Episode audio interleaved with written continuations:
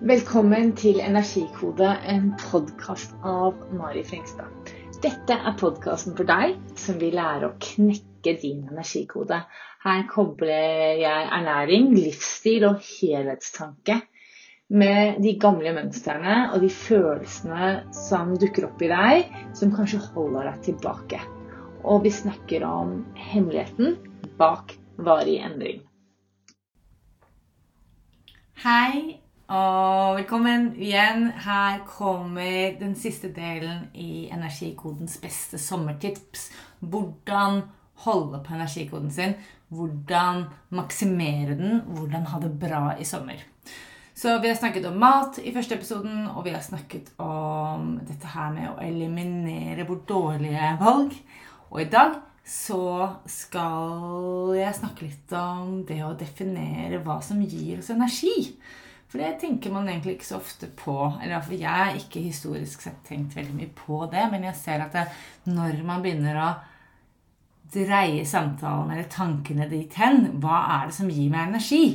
Hva er det som stjeler energi? er også et, et godt spørsmål. Når man begynner å tenke litt på det, så begynner ting å falle på plass. Og jeg tenker at det er utrolig mange av oss som bommer akkurat på dette her. Fordi vi eh, tenker mer på ting som vi skal få til. Altså drømmehuset, drømmebilen, drømmeferien, drømmemannen, drømmedama. Eh, drømmelivet. At man liksom fokuserer veldig mye på drømmene våre.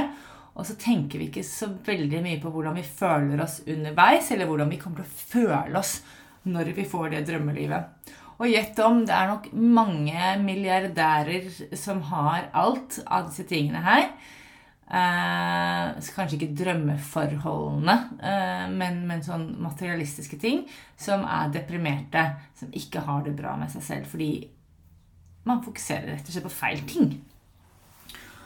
Og alle tror jeg faktisk har potensial til å bli bedre på å velge ting som gjør at de kjenner på glede. Eh, og sitte i den følelsen av glede lengre og oftere. Og det er jo der, tenker jeg, det er jo det som er livet. Å være i den følelsen. Det er ekte vare, da.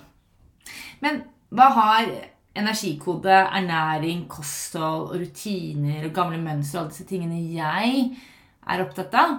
Hva har det med glede å gjøre, tenker du kanskje. Og det er et fair enough spørsmål. Um, og det har jeg tenkt å belyse litt da, i dag. Og det jeg tror er, som jeg liksom oppsett når jeg jobber med folk, sett når jeg har gjort research og sett For jeg er jo så opptatt av den helheten. Hva er det som får oss til å ta visse valg? Hvordan fungerer dette her? Så tror jeg at vi er veldig sugen på den følelsen. Um, og så får vi den ikke. Og så, idet vi ikke har den der lykkefølelsen, den gledes happiness, den kjenner vi ikke kjenner på den, så har vi lyst til å fylle det hullet med andre ting. Og det gjør vi gjennom måten vi lever på.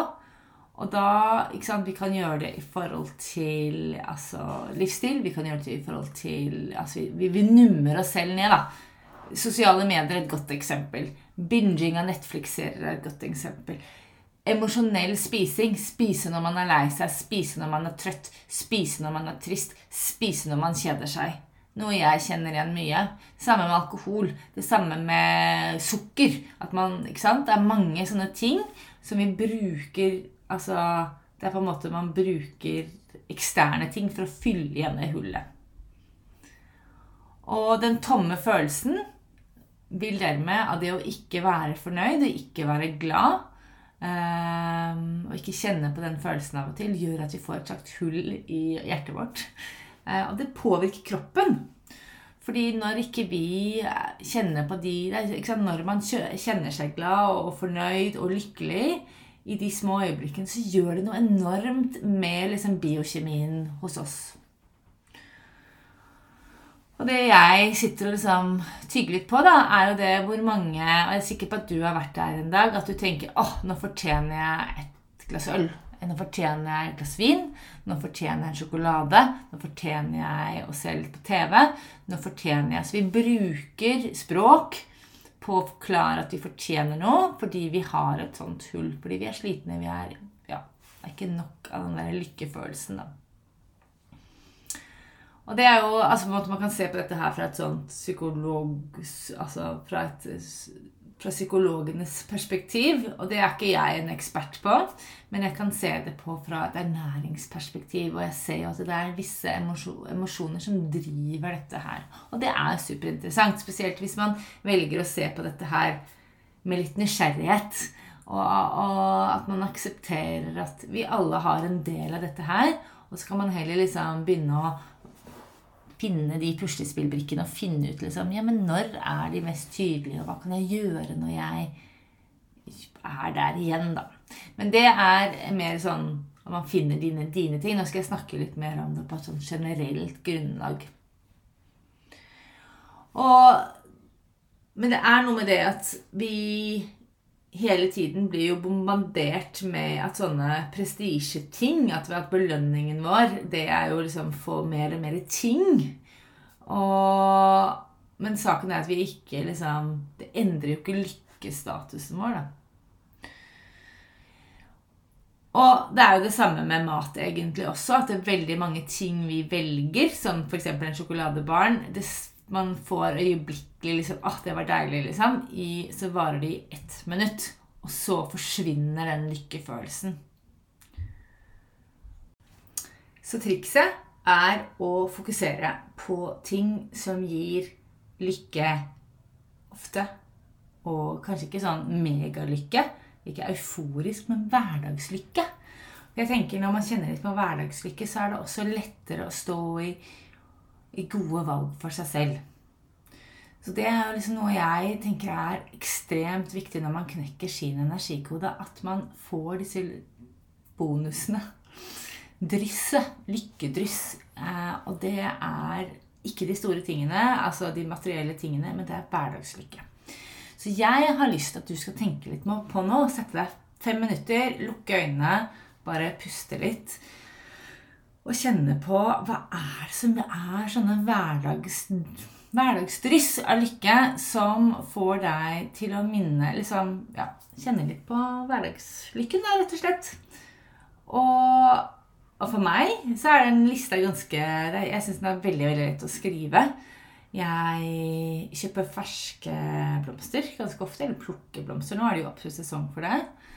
Det gir meg lykke å se et rent bord jeg har jo disse tre barna, så det er alltid mye sånn kaos. Så det å ha en ren benk med blomster på gir meg ro. Det gir meg glede. Jeg er også en eh, stor fan av å ta på neglelakk. Gå og fikse neglene mine. Også hverdagslykke. Bare se på liksom velstelte negler er også sånn, gir meg sånn ja, tegn på at jeg har litt kontroll. Eh, orden i klesskapet også en ting som jeg liker veldig godt. Det er ikke noe bedre enn å stå opp om morgenen og ha liksom veldig tydelig altså med et klesskap fullt av uh, favorittplagg. Jeg er jo sånn fan av Marie Kondo og har ryddet huset sånn. Uh, og det skal jeg snakke om i en annen episode. Det har jeg lina opp. Uh, men det gir enorm glede, for da velger man jo ting som gir glede. Og så kutter man all den støyen. Det som på en måte Alle de tingene som på en måte bare suger energi, da, på et vis fine samtaler. Jeg oppsøker bra folk som gir meg energi. Og så prøver jeg å minimere de som ikke gir meg energi, da. Det er ikke så mange av de, da, men uh, de, de fins. Så prøver liksom å gjøre mer av det jeg blir glad over og glad i. Så var det dette som jeg nevnte i forrige episode. Lydbøker. Skikkelig fan av det. Men det gjelder å finne den rette lydboken. da. Men tenk deg det å bare ha en sånn lydbok som du ikke klarer å skru av. Som du syns er helt greit å brette tøy, eller tømme oppvaskmaskinen, eller liksom ordne og styre i huset uten å kjede deg fordi du har den gode historien. Det er hverdagslykke. Tur, så klart. Jeg er noe av det beste jeg vet. Jeg har faktisk ikke gjort det i år ennå, men det kommer i løpet av uka her, håper jeg. Eh, jeg har et SUP-brett å padle litt rundt i Oslofjorden, det syns jeg er helt overlegent. Og det gir meg den der lykkefølelsen. Lykkefølelsen er å stå på det brettet, og det er bare meg og den åra og et par solbriller. Og, så ja, det er helt topp. Og det samme å gå på tur og den type ting. Eh, jeg har blitt skikkelig fan av uh, hagearbeid denne siste vårene. Og det å vanne blomstene mine i stillhet. Ikke når man må gjøre noe, da syns jeg det er slitsomt. Men det å få lov til å bare tusle litt rundt, det gir meg lykke. Og så klart, det er jo andre ting. Altså trening, meditasjon, stillhet. Lista er lang. Men jeg vil at du skal i sommer definere tre ting. Tre ting å tenke på. Tre ting som gir deg sånn hverdagslykke og så prøver du å flette det inn så mye du kan i sommerferien. Hadde ikke det vært lurt? Høres ikke det deilig ut? Dette er jo en coaching, men allikevel tenker jeg at ta med deg det. Finn de tre tingene som gir deg den hverdagslykken. Og så får det lettere å stå i alle de andre prosessene. Og når man klarer å stå i de andre prosessene, så er det lettere å ta gode valg. Og det er del av din unike energikode. Så det er trikset. Hvis du klarer å Nå har du fått tre sommertips hvis du ser på denne serien her i, som har kommet ut i episode hva er det for noe, 16, 17 Eller 15, 16 og 17, tror jeg episoden er. Og så, hvis du hører på de, så kan du virkelig starte å ta tilbake sommerferien din på dine premisser. Og det er ikke noe mer enn det jeg ønsker for deg. Eh, for da får man det overskuddet, og da tar man bedre valg. Eh, og så blir man et bedre menneske, og når man blir et bedre menneske, blir det en bedre verden. Og det trenger vi så sårt. Så stå på, og jeg ønsker deg en fantastisk sommer. Og så eh, høres vi rett som du er.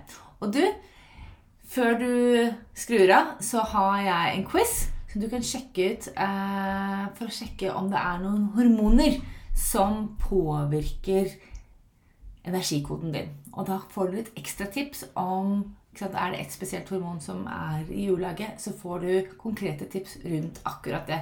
Og det er noe du kan ta med deg nå i sommerferien. Når man har litt ekstra tid. Ok, god sommer, da! Ha det!